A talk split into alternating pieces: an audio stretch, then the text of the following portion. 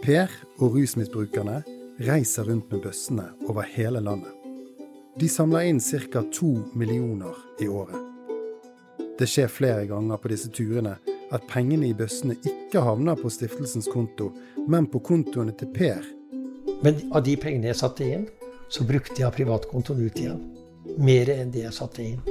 Og nå banker politiet på døren.